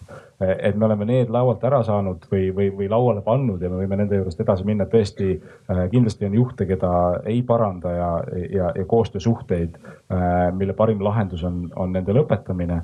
aga et kui me nüüd ei tegele nendega rohkem ja tegeleme, tegeleme selliste juhtidega, kellel tegelikult on soov ähm, nagu sa ütled, hommikul tõustes mõelda sellele, milline on minu tegevuse Äh, mõju minu organisatsioonile ja töötajatele, siis me võiksime samamoodi analüüsida, et mis on sellised juhi peas kinni olevad tõrked, mis takistavad võib-olla mõistlikumat käitumist, takistavad seda kahtekümmet protsenti, ähm, mida, äh, mida arenenud, arenenud maailma juhid suudavad äh, paremini teha. me oleme samamoodi püüdnud määratleda selliseid kõhklusi või, või väärarusaamu või, või hirme Äh, mis võiksid juhtides olla need, mis äh, käivituvad siis, kui vaimse tervise teemad tulevad lauale. Äh, ja üks neist võiks olla selline, et, et, et kui ma juhina äh, mõtlen selle peale, et, et, et kui ma ikkagi võtan tõsiselt sinu äh, mingisugust sellist nagu mitte jalaluumurdu äh,, midagi sellist, mis on sinu, sinu peas peidus äh, et siis kuhu ma piiri tõmban, et kust, kust siis, kust siis see minu vastutus otsa saab, et, et, et mulle tundub, et, et on üsna levinud mõtteviis, et, et selline vaimse tervisega tegelemine, et, et kui ma siin nagu annan sõrme, et siis ma kaotan peagi käe ja peagi hakkab see neelama. Aega, raha, ressursse, rikub ära meie, meie organisatsiooni kliima. kas see hirm tundub publikule tuttav, tõstke käsi, kel kelle meelest see võiks olla midagi sellist, mis, mida te olete kogenud äh, nendes kohtades, kus te ise töötate? mõned käed, mõned käed. nii, aga paneelile sama küsimus, kas see on, on see põhjendatud hirm? Vastata, sest olen töötanud ka mm, viisteist aastat personalijuhina ehitusettevõttes ja infrastruktuuriettevõttes ja, ja just need juhid, kellega mina koos töötasin, oli täpselt sama hirm, kui ma ühele luban, siis mis ütlevad teised. kui ma ühele teen, hakkavad kõik tahtma ja kui praegu ka tööandjatega rääkida, siis see on minu jaoks kõige sagedasem küsimus. Eh, kuid eh, võin selgelt öelda, et kui me teeme selged kokkulepped, mis on dokumenteeritud, nagu siin kolleegid kindlasti ka kohe kommenteerivad, eh, siis kindlasti see hirm ei laiene või see hirm ei ole õigustatud, see ei laiene teistele. kord on sinul hea ütleme personalitöö seisukohast ja kord on teisel hea. Ja uskuge mind, inimesed tavaliselt vägagi aktsepteerivad, nad tulevad vastu sellele. me teame, et külakogukondades vanasti ka praegu üksteist me toetame väga heal meelel. ja vot sellesama toetuse energia toomine pildile, et kui ma tulen sulle vastu, see ei tähenda, et teised hakkavad nõudma. Need üksikud, kes hakkavad nõudma, küll ma siis nendega ka toime tulen ehituses me ütlesime omal ajal, teatud riskid me võtame alati. aga me ei saa sellepärast kõiki karistada või ilma jätta sellest, eks ole. Need on loomulikud riskid, et hakatakse tahtma, aga kõik ei hakka kunagi tahtma. enamus vastupidi vaatab, et minu tööandja tuleb vastu ja vot see on nüüd see väärtus töös, mis maksab palju rohkem kui viis, kümme, viisteist, kakssada eurot lisatasu et see on see, et ma näen, et minu tööandja hoolib ja mina võin loota, et kui minul on halvad ajad, siis minust hoolitakse ka. ehk see on hindamatu väärtusega, mida me rahas ümber ei arvuta. aga okei okay,, inimesed armastavad numbreid, nagu Exuperi on öelnud ja kusagil on tehtud ka siis äh, arvutusi, et vot selliste vastutulekutega, see oli Financial Times kaks tuhat viisteist äh,, tegelikult õnnestub tööjõukuludest kokku hoida viis kuni kümme protsenti ma jälle kommenteerin, et juht peaks enda jaoks äh, jällegi mõtestama, miks ta neid asju teeb. Äh, kui ta annab ühele sellise äh, toe, siis noh, selge, et teised tahavad ka ja seda peakski kogu organisatsioonile pakkuma. juht võiks teha väikese analüüsi ja kaardistada, et millised kulud tal kaasnevad, kui ta peab uusi töötajaid värbama, kui tal on töötaja haiguslehel, kui ta peab asendajaid värbama kas siis see kulu, mis ta toetades teeks, on suurem, võrdne või rohkem, et sageli see kulu ei olegi nii suur ja need toetused ähm, ei olegi rahas nii äh, suured, kui sa, kui sa lihtsalt küsid oma töötajalt, kuidas sul läheb. see, see ei võta raha tegelikult, et sa annad tagasisidet, sa räägid temaga sa küsid olgu. tagasisidet ka juhti-, enda juhtimisele näiteks et.... aga et kui veel seda juhi, äh, juhi hirmu kehastada, aga mis siis saab, kui ta ütleb, et ma pean ta psühholoogi juures käimised kinni maksma? oh väga hea, mul on kohe statistikat tervist edendavate töökohtade võrgustik on üks niisugune organisatsioonide grupp, mida Tervise Arengu Instituut siis korraldab. ja nad küsivad, kui paljud tervist edendavate töökohtade võrgustikku kuuluvatest neljasajast organisatsioonist pakub tööpsühholoogi teenust, koolitust, nõustamist, kõik need peened spetsialistid, keda ma alguses lugesin. ja selgub et, et üksteist protsenti ja nüüd ma tulen kurva järgmise statistika juurde. Lääne-Euroopas on see protsent seitseteist kuni seitsekümmend neli seega meil on üksteist kuni kaheksateist, organisatsioone pakub. aga hea uudis on see, et iga aastaga neid organisatsioone on järjest rohkem ja meie tüüpi spetsialistidest on tohutu puudus, ma kuulsin eile ühel äh, paneelil. eks ole, üks järeldus sellest minu küsimuse valguses on see, et kui meil on üksteist protsenti just nimelt, et ah,, et, et, et need üksteist protsenti organisatsioone Eestis ja need suuremad protsendid, eks ole, pikema inimesest hoolimise kogemusega riikides. Äh, et, et need juhtkonnad on endiselt ratsionaalsed, nad on endiselt jõudnud järeldusele, et see investeering äh, on, on seda väärt, eks ole, ja sina osutad ühele mehhanismile, mille kaudu on näiteks see, et värbamiskulu, väljaõpetamiskulu, eks ole, kõik need asjad on. Mm -hmm Mm -hmm. Miks ma ütlesin nii kummalised protsendid, noh, fakt on see, et, et äh, mujal riikides pakutakse seda rohkem, aga eri sektorites need protsendid erinevad, sellepärast see vahe oli nii kummaline. aga tulles siis ka Kärdiga ühele lainele ekspersonalijuhina, me oleme püüdnud ju kogu aeg tõestada, et tegelikult uue töötaja värbamine ja tema töö kinnimaksmine esimene aasta, kui ta kohaneb, on kindlasti kallim äh, kui see hea sõna ja psühholoogiteenus mm. -hmm absoluutselt hea sõna on alati asjakohane ja kiitus nii ütleme äh, oma meeskonnaliikmele, aga ka juhile, oma kolleegile, seda võib teha iga päev. aga on üks nüanss, et meil tegelikult Eesti riigis on ju väga palju ka riigiasutusi ja kui me mõtleme näiteks koolidele, keda, kelle osas me meediast hästi palju loeme, et seal on ka töökeskkonnaga erinevad probleemid, õpetajate erinevad probleemid, koolilt endalt ehk direktorilt ei saa piisavalt tuge ja nii edasi siis kahjuks täna taandub see väga palju ka eelarvelistele vahenditele. Et on need meetmed, mida me saame ära teha organisatsioonis sees, aga paraku on ka see olukord, kus sul ühel päeval on sein ees, mul on eelarve piir ees ja ma ei saa lubada endale väliseksperti, kuigi ma tajun juhina ka sajaprotsendiliselt, et mul on seda täna vaja. mitte ainult mul, vaid tervel mu meeskonnal. kas ma võin veel kord kommenteerida, kui me juba räägime rahast, jah? et äh, tegelikult äh, noh, ilmselt kui ainult tööandja kinni maksab, siis ma arvan, et või kogu protsessi, siis see ka ei ole päris kasulik. et ikka ma jään selle juurde, et osa peab inimese enda vastutus olema ja kui nüüd rääkida Eesti praktikatest, siis enamasti need organisatsioonid, kes tellivad säärast teenust, maksavad kinni paar esimest kuni kolm esimest korda. organisatsioone, kes maksavad lõputult kinni, on vähe. Äh, praegu juba jah, kümme korda võib-olla, aga äh, siiski organisatsioone, kes maksavad kinni osaliselt, nii nagu makstakse kinni osaliselt massaaž äh, või muud teenused, neid on juba olemas üsna palju ja neid saab üsna rohkem väidan, on ka minu praktikas üks niisugune kummaline kogemus, kui ma olin personalijuht, pakkusime kahele töötajatest nõustamise võimalust. Nad olid stressis ja läbi põlenud.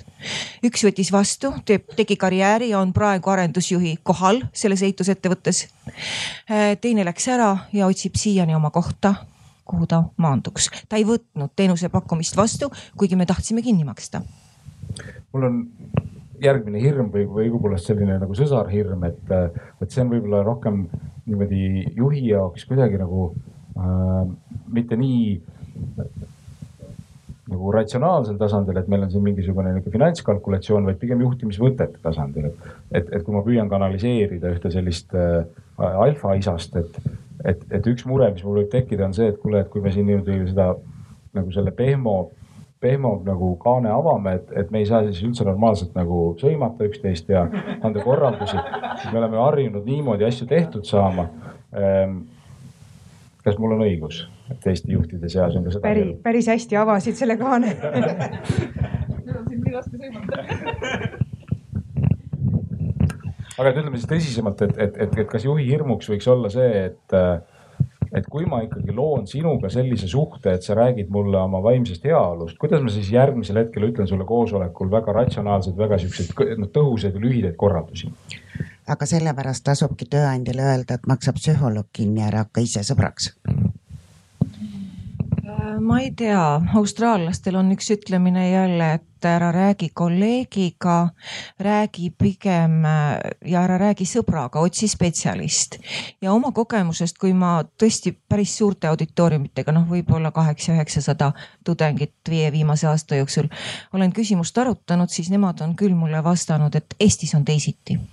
Eestis räägi kõigepealt sõbraga, räägi kolmanda osapoolega, see sõber ei pruugi olla sinu ähm, otsene kolleeg, aga, aga sa võiksid kellegagi rääkida ikka ikkagi. et, et selle tõttu see positsioon, et, et ähm, noh, saab midagi ära teha kindlasti. nüüd mul kadus mõte ära vahepeal, üks hea mõte oli veel. ma räägin selle alfa isase kohta, et minu meelest ei ole tal probleem edaspidi ka sõimata, et isegi kui ta on sinuga vahepeal rahulikult rääkinud ja, ja, ja tunnistanud, et meil võib asutuses probleem olla ahaa, mõte tuli meelde, vabandust, see on nüüd natuke niisugune meeste kollektiivide nali, et ma võin temaga ju õllekas, eks ole, olla nagu ehituses ka vahel on räägitud või vabandust, vene keelt te teate, mina olen ka kuulnud väljendit, et nad aga äh, jah, saite aru? on vaja sõimata, muidu ei saada aru, on vaja rääkida rumalasti ja allapoole vööd sõnadega, muidu ei saada aru mm. -hmm. ja ja äh, see ei ole nii, et me vahetame tegelikult rolle, ehk ma tulen oma endise refräni juurde tagasi, sa oled ühes rollis ja te lepite kokku midagi ja te lõpetate selle, te panete selle kasti kinni ja järgmisel päeval oled sa teises rollis. tee need sissejuhatused ja väljajuhatused, kui sa oled juhi positsioonil ja ütle jah, praegu olen ma sul toetaja ja homme me räägime tööst jälle nii, et me saame neid, neid faase vahetada mm. -hmm. küll aga ma arvan, et vabandust, ma arvan, et, et see alfajuht kindlasti muretseb oma kuvandi pärast, milline juht ma välja paistan.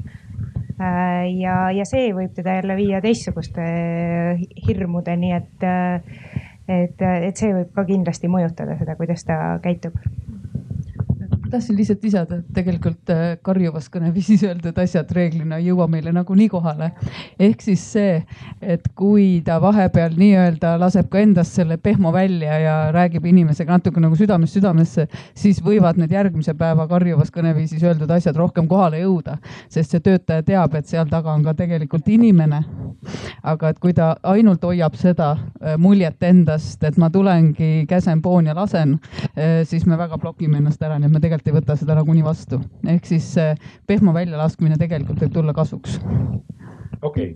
ähm,, aga et minu jaoks oli praegu huvitav see, et siin on ikkagi mõnes mõttes äh, äh need nõuanded, mis ma teilt sain, on ühelt poolt tõesti see, et, äh, et ära karda ja, ja proovi luua kontakti. teiselt poolt ikkagi see, et, et kui sa oled määratlenud oma rolli oma meeskonnaliikme suhtes siis on väga okei okay,, kui seal sellel rollil on piirid ja et sa mingi koha peal ütled, et, et jah, et see ei ole teema, mida, mida mina sinuga arutaks, aga et ma olen valmis toetama sind, kui sa lähed, otsid, eks ole, sellist ja sellist äh, lahendust sellele probleemile. kas publikul ma jälle, jälle küsin, et, et need sellised juhi peas olevad niisugused mõttemustrid, mida me oleme püüdnud äh, analüüsida, kas kellelgi on siia midagi lisada, et kas on, kas on mõni selline nagu äh, juhi peas toimuv skeem, ähm, mis praegu arutelust on kõrvale jäänud? siit, mikrofon, ahah, seal, vot, väga hea. kas, kas nüüd on kuulda? on kuulda. tere ähm, mina olen läbi põlenud ja mina olen teinud seda nii, et kohe kaks aastat ma olin peaaegu kogu aeg kodus, sellepärast et see läbipõlemine mõjutas mitte ainult minu psüühikat, vaid ka füüsilist tervist.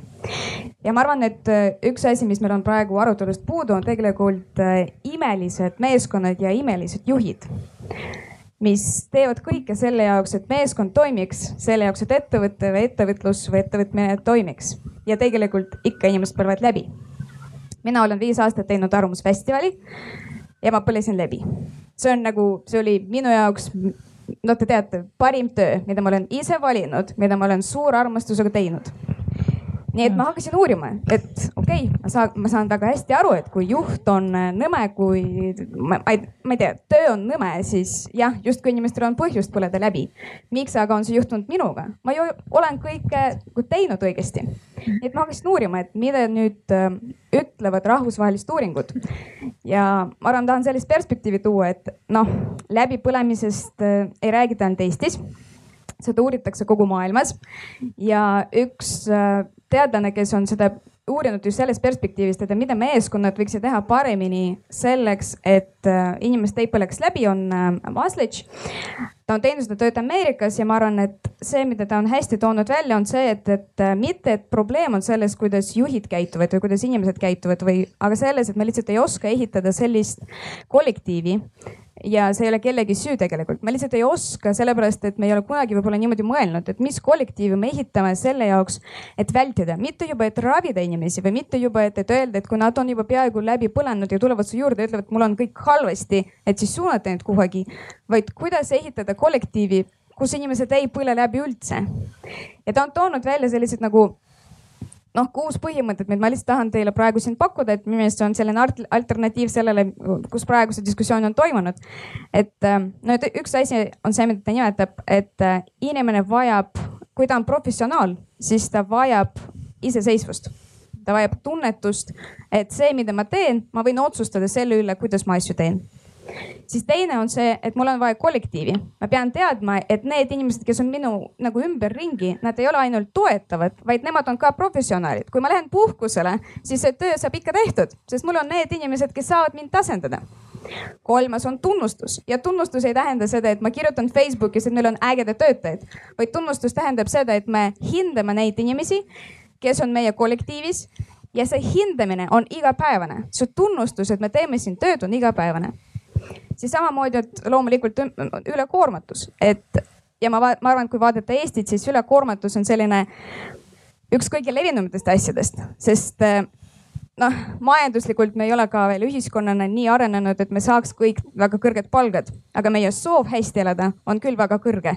mis tähendab, et tegelikult meie ootus on, et see nagu meie elukvaliteet on väga kõrge mis tähendab, et ma võtangi rohkem tööd, sest ma tahan rohkem teenida, sest ma tahan paremini elada ja see ülekoormatus on selline nagu valikuline, et ma teen seda valiku ise, aga no ma pärast kannatan ikka. ja samamoodi ka ettevõttes, no et ikkagi inimesed, nad tahavad teha oma tööd hästi, aga noh, siis samas nad võtavad enda peale rohkem. ja tegelikult ma arvan, et kui sa oled nagu ettevõtja, siis see on sulle kasulik, sest sul ei ole väga palju raha maksta kõigile, nii et see on väga kasulik, et keegi teeb palju tööd. ja, ja viimane on see, et kas, kas ma, kas ma nagu tunnen seda, et, et ma võin nagu korraks kuidagi nagu rääkida inimestega läbi ausalt. et mis on meie põhimõtted ettevõttes ja et kas me kõik neid täidame, kas me kõik need järgime. et ma arvan, et siin on selline nagu lihtsalt perspektiiv, ma tahtsin tuua sisse, on see, et, et me siin oleme rääkinud sellest, et, et kui juhid on, ei saa aru, kui juhid on nii-öelda halvad või, või midagi, aga ma arvan, et meil on hästi palju väga toredaid kollektiive, kus ikka inimesed põlevad läbi ja, ja vot see on, on see koht, kus noh, ma ei, ma ei arva, et see on nagu vastutus on ainult sellel inimesel, kes peab minema juhi poole ja siis temaga rääkima või siis vastutus on ainult kollektiivil. see kindlasti on vastastikune. Noh, aga vot see on see lihtsalt, ma, ma tahtsin täiendada. aitäh, ma kohe tahan kommenteerida, see on super Te keerasite lehekülje, mida me tegelikult omavahel arutasime ja, ja järgmine tsitaat või viide äh,. vaimne tervis töökohal, Tervise Arengu Instituudi väljaanne, kõik need asjad on meil seal ka kirjas. Eestis me tegeleme sellega, aga me ei jõudnud veel selleni, eks ju mm. -hmm. aga üks huvitav küsimus, aitäh selle äh, väga konkreetse ja sisustatud nagu täienduse eest, et absoluutselt äh, need võtted, mida sa mainisid, eks ole, on, on sellised, mida siit saab kaasa noppida. Aga et minu jaoks on ka hästi huvitav tõesti see paradoks, millele sa osutasid, et, et on palju lihtsam ette kujutada äh, vaimse tervise probleeme, mis tulevad tõesti nendest natuke karikatuurina esitatud on ju alfajuhtidest ja, ja, ja, tõesti sellest, et kui tuleb töötada äh, rasketes tingimustes lihtsalt raha pärast. Äh, aga et kuidas see ikkagi nagu juhtub, et, et kõik on justkui hästi ja et mida paremini need asjad on, seda suurem on, on peaaegu et tõenäosus, et, et nad võivad viia läbipõlemisse ma ütlekski siia kohe või ma tahtsin enne ka kommenteerida, et see, et ega läbi põletaksegi heades firmades ja, ja toredates töötingimustes, ehk siis kui sind su töö ei huvita, sa teed seda hammas ristis raha pärast, siis on väga raske seal läbi põleda tegelikult. läbi põletakse siis, kui sa teed südamega, sa tahad teha veel paremini, sa siis kipud mitte enam delegeerima ja mitte usaldama seda kollektiivi, vaid sa ütledki, ma tulen puhkuselt, siis ma teen ise kõik ära, sest ma tahan olla parim ja ma tahan ettevõttele parimat ja mul on nii toredad kolleegid, ma ei taha neile oma jamasid jätta ja nii edasi, et tegelikult eh, ma arvan, et suur osa läbipõlemistest tulebki just nendest väga toredatest, väga headest eh, kollektiividest. ja kus seal see juhi vastutus natukene siiski on, on see, et juht on see, kes näitab eeskuju. ehk siis, kui juht saadab sulle kell õht, õhtul kell üksteist saadab sulle sõnumeid või mingeid email'e või vastab neile, siis ta sellega annab sulle nagu signaali, et sa peaks ka sama tegema. ehk siis, kui juht võtab, võtab, äh, võtab maha äh, selle, et meil on ikkagi tööaeg, siis, äh, siis saavad töötajad ka seda endale lubada mm. -hmm mind natukene häirib see, et me räägime kogu aeg ainult läbipõlemisest, nagu see oleks üks ja ainukene vaimse tervise probleem töökohal. natukene nagu täpselt samamoodi teatud su on suhetest tingitud ärevushäired. ühesõnaga läbipõlemine ei ole ainuke töökeskkonnas esinev vaimse tervise probleem, et natuke noh, liiga keskendume, et aga võikski sellel korra, korra peatuda, et, et selle psühhosotsiaalse riskiteguri ja, ja töökoha vaimse tervise kontekstis, kuidas me peaksime mõtlema nendest vaimse tervise häiretest, mis ei ole primaarselt nagu töökohal tekkinud? Ma jõuan selle juurde, aga võib-olla ma tõesti aitäh, olen inspireeritud samamoodi teie fantastilisest heast sõnavõtust. ja, ja siin jälle tsiteerin siis tudengeid, kellega ma olen kokku puutunud, need on siis Eesti Ettevõtluskõrgkool Mainori tudengid, äh, kes on kirjutanud äh, oma soovitused äh, inimestele noh, nemad on need inimesed, kellel ei ole töös probleeme ehk osaliselt ma olen teiega hästi nõus, kuidas teha see meeskond, kus me üksteist toetame, et me läbi ei põleks. ja vot nüüd need mitte läbi põlenud inimeste soovitused nendele, kes kipuvad läbi põlema jah, huvitavad teid. see on uurimus, kus oli kuskil kolmsada, nelisada vastajat. ja nad ütlevad, et sisusta vaba aega meeldivate tegevustega. kõigepealt liikumine, äh, siis äh, kõik need asjad, mis aitavad sul mõtted viia mujale, annavad puhkust ja aitavad probleemidele lahendust leida ikka seesama asi, millest me juba täna oleme rääkinud, positiivne mõtlemine ja suhtumine. Ehk keera asi positiivseks enda jaoks. Ehk igas asjas on midagi head, igas halvas, kui sa ise ei leia, siis küsi sõbralt. Ja, ja katsu seda teistpidi mõtlemist, et igas asjas on lahendus rakendada. Ja kui sa ei suuda, siis mine spetsialisti juurde või, või kellegi teise juurde. edasi töökogemus kui sa oled kuskil valdkonnas ähm, ennast juba see kakskümmend tuhat tundi ehk peaaegu talendiks töötanud ehk viis aastat jah, siis sul tekib hea nina ära tunda, mida teha põhjalikult ja mida mitte. Äh, ja vot nüüd on see vastus, et iga tööandja rõõm on, kui sa teed tõesti higipulli otsa eest seitse, kakskümmend neli tundi tööd. ei ole, sa ei ole enam see keha, kes suudab siis olla töövõimeline.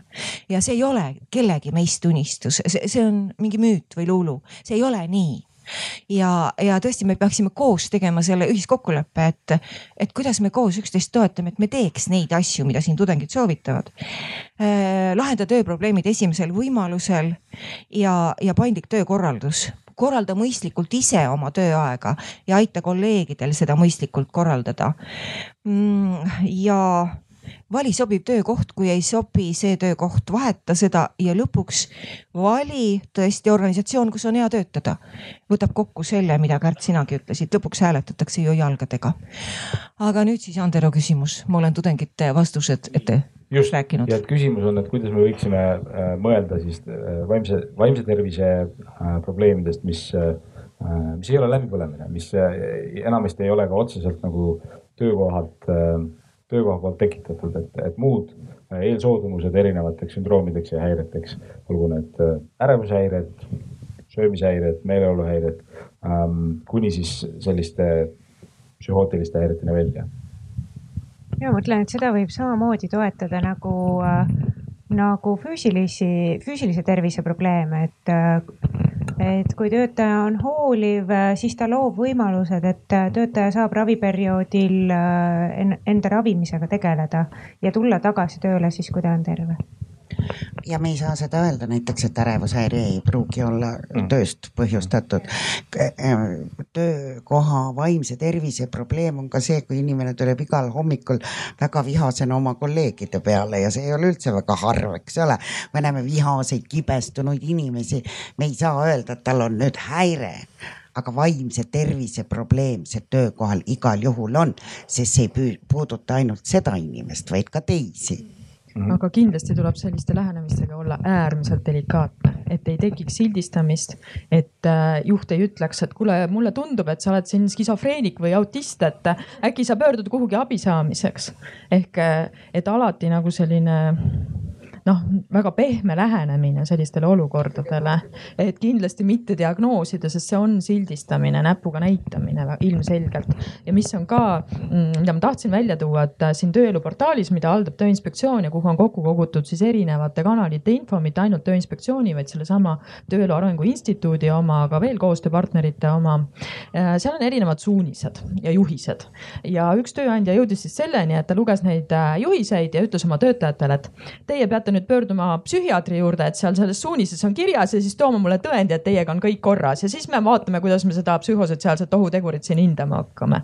nii et, et igast heast asjast on ka võimalik keerata nii-öelda kokku mingi täielik puder. ma küsiks selle kohta veel isegi täpsustuse otsa, et, et tõepoolest meie näiteks Psühholoogia Instituudis oleme aastaid vaeva näinud sellega, et, et inimesed suhtuksid ettevaatusega, eks ole, diagnostilistesse, diagnostilistesse terminitesse ähm,. ja, ja et noh, mõnes mõttes on see, on see suurepärane, et, et paljud tööandjad äh, võib-olla tunnevad ebamugavust just nagu sellesse territooriumisse sisenemisel just tänu sellele, et, et pagan, ma ju tegelikult ei ole pädev. ma ei ole pädev nagu vaimsest, me võime rääkida tujust, me võime rääkida, eks ole, motivatsioonist, aga et, et vaimsest tervisest, kuidas ma sellest räägin. et, et millist nõu anda sellisele inimesele, et kuidas ma juhina saan olla olemas sinu jaoks ja, ja ja teha kõike seda, millest me oleme täna rääkinud, ilma et ma libastuks selle sildistamise. ole lihtsalt teel. inimene, nii nagu sa oma pere ja lähedastega käitud, äh, samamoodi käitu oma töötajatega, nad on sinu inimesed.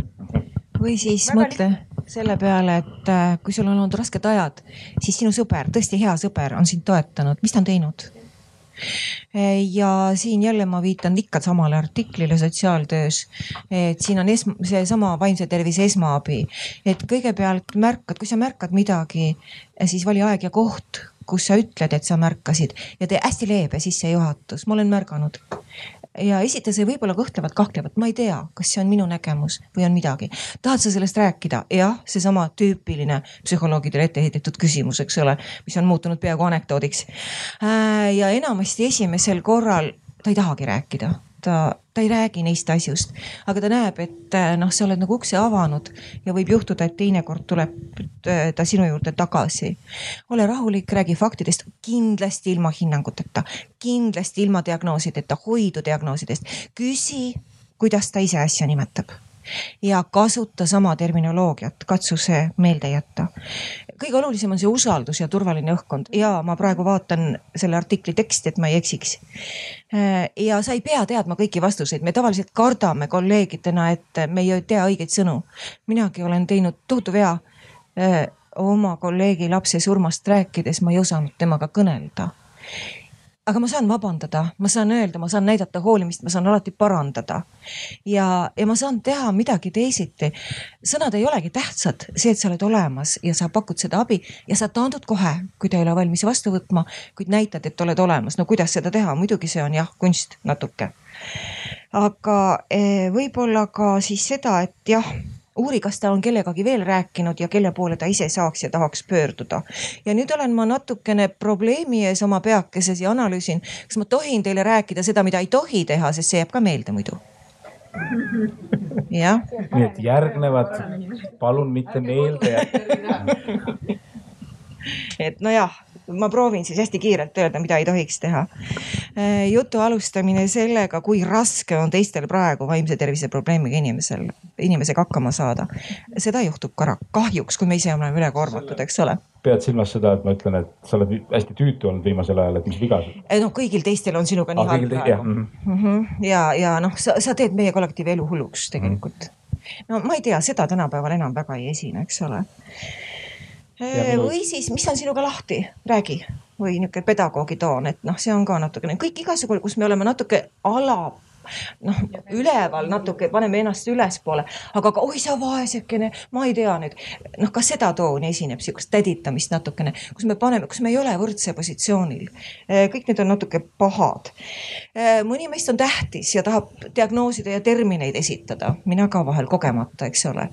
et katsu hoiduda, proovi, mitte nõu anda, vot hästi oluline asi on, ära anna nõu küsi, mida sa juba oled teinud. Ja see on tõesti nagu kunagises laste jutus, et ära jumala eest mind kibuvitsapõõsasse viska ja siis sa viskad ikka, eks ole. kui sa tahad nõu anda ja teisiti ei saa, siis küsi, kuule, mul on üks juhtum, kas ma võiksin sellest sinuga rääkida? Äh, ta kindlasti annab sulle loa, aga, aga ta, ta nagu natukene noh soojeneb või on valmis selleks, et sa temaga räägid. Ja, ja mida veel? Hmm neid, mida ei tohi teha, on mul veel, aga õnneks on mul see leht kadunud, jah. ja nii publiku küsimuste aeg taas kord äh,. siin oli küsimus. kus veel on küsimusi? seal. mitte päris küsimus, ma tahan tänada väga-väga head mõtted ja soovitused, et aitäh. ja kõik äh, see soovitused, mida peaks tegema, sellele ma tahan lisada selle mõtte, et äh, mida teha, ehk siis teha mitte midagi, et lubada endal teha mitte midagi, lihtsalt olla. et just nimelt, et lubada olla endal nii-öelda laisk. kuigi seda siis natuke rohkem soovitame nagu töötaja perspektiivist ja juhile võib-olla. kuigi ka juhil võib vahel olla vaja seda. järgmine küsimus ja minul on sihuke küsimus, et kuna see on tulevikutöö ka, et mis te arvate, kui palju võtab Eestis aega, et me oskaksime töökohal nagu mitte pidada vaimse tervise teemasid tabuks. kui su kolleeg ütleb sulle, et ta on tulnud tagasi näiteks läbipõlemisest, et me ei tunneks enam ennast nii nagu kohmetult, vaid me oskaksime ka ise olla ja me ei kardaks seda enam personalijuhtimise ühingusse kuulub äh, üle kahesaja organisatsiooni, kuskil kakssada kuuskümmend organisatsiooni. Ja nii palju, kui mina nende personalijuhte ja juhte näen, siis ma ütleksin, et me liigume väga kiiresti edasi ja, ja meil on head prognoosid tulevikuks. protsente ma ei oska öelda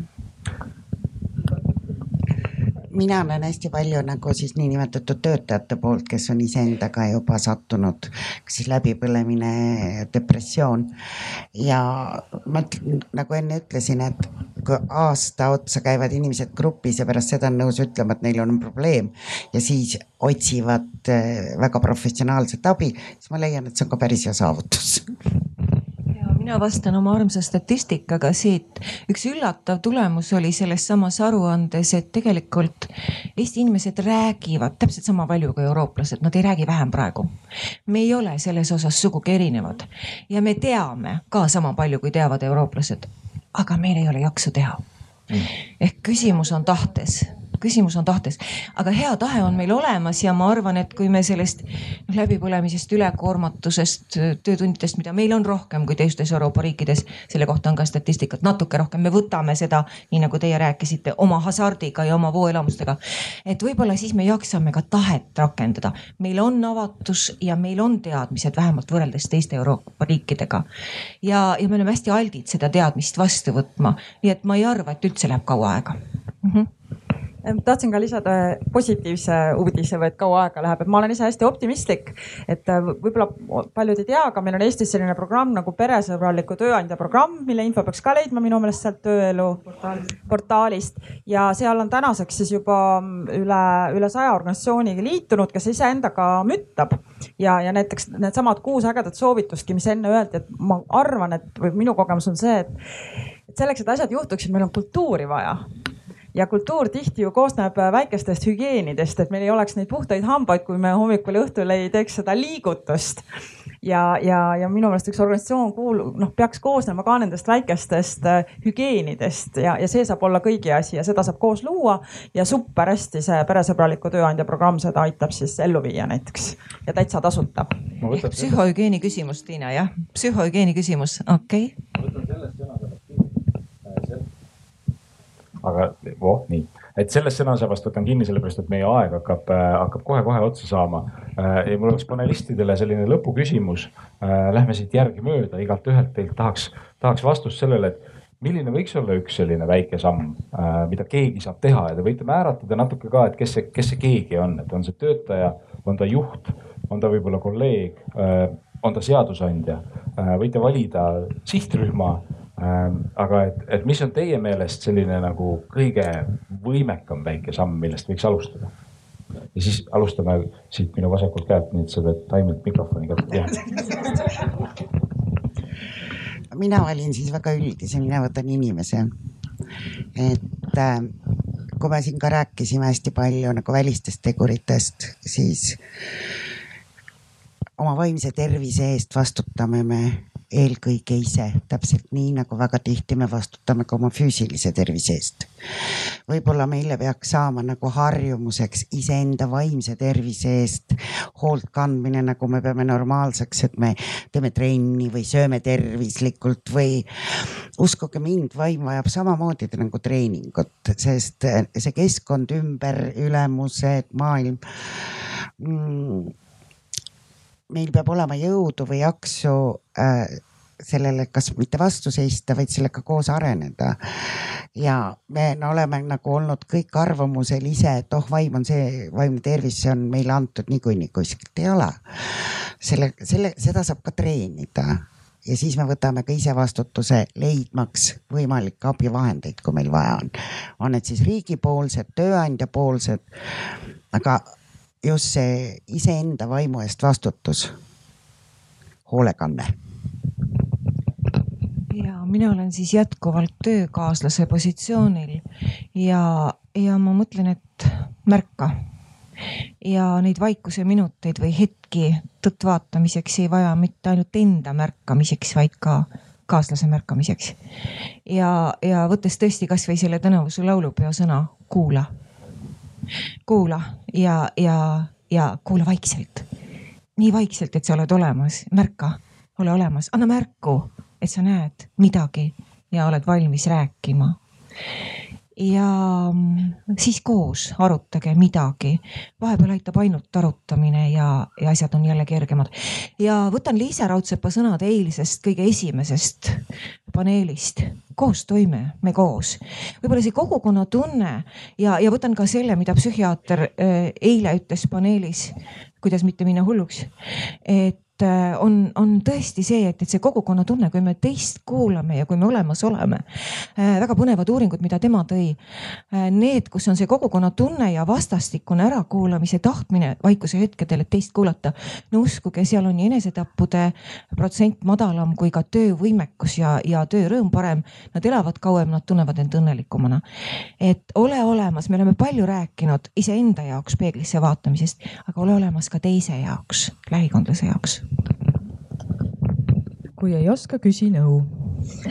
ehk äh, riik on tegelikult ju äh, tohutult palju erinevaid infomaterjale koos erinevate koostööpartneritega kokku pannud ja ja lisaks Tööinspektsioon pakub ka tööandjatele tasuta töökeskkonna konsultandi teenust ja ka need konsultandid võivad aidata tööandja järje peale ehk selle juhi järje peale, mil, mis need esimesed sammud on, millega tegeleda. tähtis on see samm astuda, aru saada, et see on oluline, et kõik töökeskkonna ohutegurid, nende hindamine on oluline, nende maandamine on oluline ja riik kindlasti ka tulevikus ikka jätkuvalt äh, koostöös erinevate spetsialistidega neid infomaterjale teeb ja, ja panustab sellesse, et, et abi oleks ka tasuta abi oleks olemas tööandja poole peal, siis tööandja võiks kõigepealt äh, kaardistada, kuidas minu organisatsioonil üleüldse läheb täna äh,. kuidas äh, on töötajate voolavus äh,, kui palju on haiguspäevade arvu äh,, mis põhjusel töötajad puuduvad äh,, mis seisus minu organisatsioon täna on ja võib-olla siis äh, lihtsam asi, millega homme no, organisatsiooni kultuuri muutus lihtsalt ei tule üleöö, et äh, see, see võtab aega, sa kaardistad, hakkad sellega tegelema, aga võib-olla selline lihtsam, millega siis minna esmaspäeval tööle juhina võib-olla, et küsida oma kolleegilt, kuidas teil läheb. või, või siis jäta see mikromanageerimine ära kontrolli tema pause, las ta, lase tal ise otsustada. usu, inimesed tahavad olla täiskasvanud. Ära ole lasteaiakasvataja mina ütleks viimaseks siis äh, sellise äh, asja, mida igaüks saab teha, on usalda. Ehk siis kõigepealt usalda iseennast. kui sa tunned, et midagi on valesti, siis sinu jaoks ongi valesti, ehk siis räägi sellest kellegiga ja leia, leia endale abi, kui sa oled tööandja, siis, siis usalda samamoodi, usalda oma kolleege, ära eelda, et äh, kohe hakatakse ära kasutama kõige halvemat, ehk siis äh, usalda ja läbi selle saad sa siis ennetada, sest ennetus on alati odavam kui, äh, kui igasugune selline järelravi. ja, ja viimane asi on see, et lihtsalt loo turvaline keskkond, see ei maksa midagi, aga lihtsalt ütle, et on okei okay öelda, et ei ole okei. okay tänan.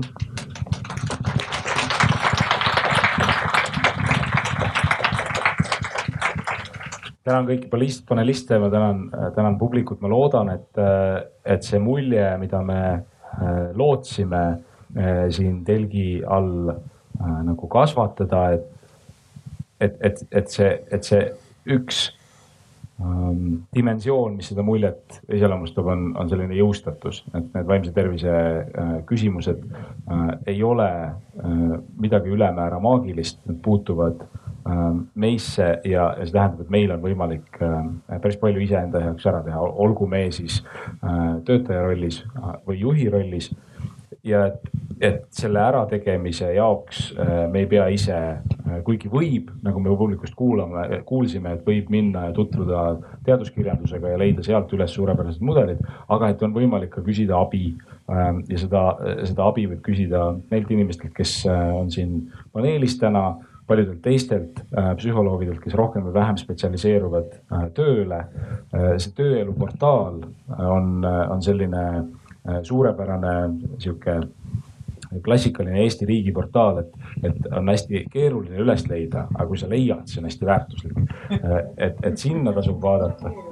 ja, ja et Taimist ma saan aru, et, et võib, tasub ära oodata ka see, kuidas mitte minna hulluks paneeli salvestus, et kes seda kuulanud, siis kuulake see üle. mina tänan äh, ja järgmiste kohtumisteni.